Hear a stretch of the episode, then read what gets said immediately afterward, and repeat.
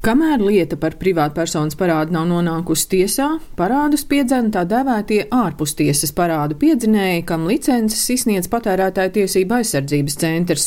Ārpustiesas parādu piedziņas asociācijas valdes priekšsēdētājs Jānis Lukaševskis stāsta, ka neraugoties uz Covid pandēmiju un iedzīvotāju maksātspējas samazināšanos, parādu skaits pagaidām nepieaug. Tie ir gan nebanku kreditētāji, gan banku kredīti, dažādi veidi patēriņa un arī kredītkartes, tad ir telekomunikācija parādi, protams, ir arī komunālie parādi, Nu, vidējās summas ir sākot eh, no 50 eiro līdz 500 banku kredītiem. Tie var būt arī 2, 3, 5 tūkstoši, bet pamatā tas vidējais parāds varētu būt ap 300 līdz 500 eiro. Ārpusties parāda atguvējiem nav tādas iespējas bloķēt kontus, pārdot eh, kaut kādus kustamos, nekustamos īpašumus un tā tālāk. Ārpusties parāda atgūšana balstās tikai un vienīgi uz vienošanos starp parādnieku un kreditoru. Ir izdevīgāk vienoties un nokārtot šo saistību ārpus tiesas ceļā, nekā kad lieta nonāks tiesā un kad nāks klāt visi šie papildus izdevumi, kas būtiski parādu palielina. Kā uzsver Latvijas zvērinātu tiesu izpildītāja padomas priekšsēdētāja Iveta Kruka,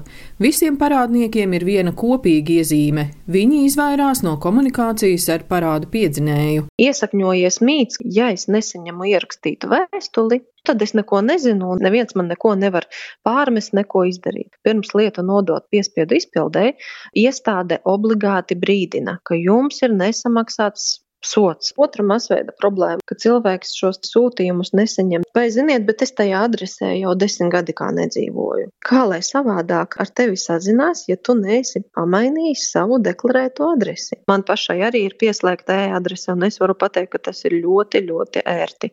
Uz e-pastu atnāk ziņa, ka e-adresē ir jauns sūtījums, jāienāk sistēmā un jāapskatās, ko tad tev kāds ir atsūtījis. 300 eiro lielie parādi galvenokārt ir administratīvie sodi par ceļu satiksmes pārkāpumiem, par atrašanos sabiedriskā vietā alkohola reibumā, par malu zvejniecību, pasas nozaudēšanu un citi.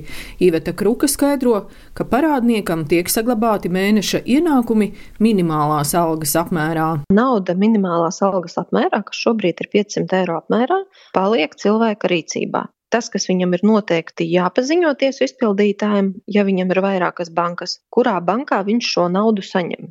Papildus ir arī summas, uz kurām nevar vērst piedziņu. Piemēram, sociālā nodrošinājuma pabalsts. Šīm summām piedziņu nevērš.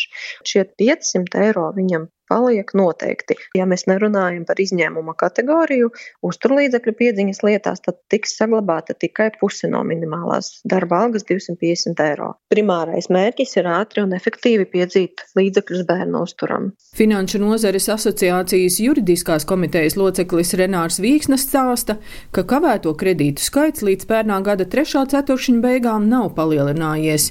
Viņš skaidro, ka bankas ir ieinteresētas parādus atgūt nevis caur tiesu, bet bet vienošanās ceļā.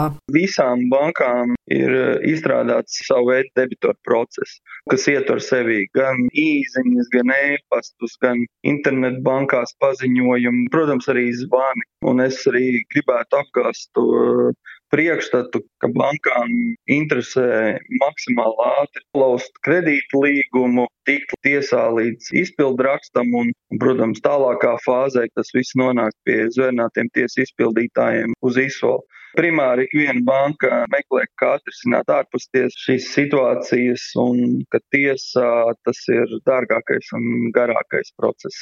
Latvijas zvērinātu tiesu izpildītāju padomas priekšsēdētāja Iveta Kruka stāsta, ka vienam parādniekam mēdz būt desmit parādi. Jebkurā gadījumā, vai tā ir tikai viena, divas vai trīsdesmit lietas, mēs nepārtraukti monitorējam personas ienākumus aktīvus, vai nav tā, ka kādā brīdī neparādās kāda manta, piemēram, transporta līdzeklis vai nekustamais īpašums vai cita veida ienākumi vai manta, uz kuru var vērst piedziņu. Pirmām kārtām tiek reģistrēta šeit mantai atseviļināšanas aizlieguma atzīme.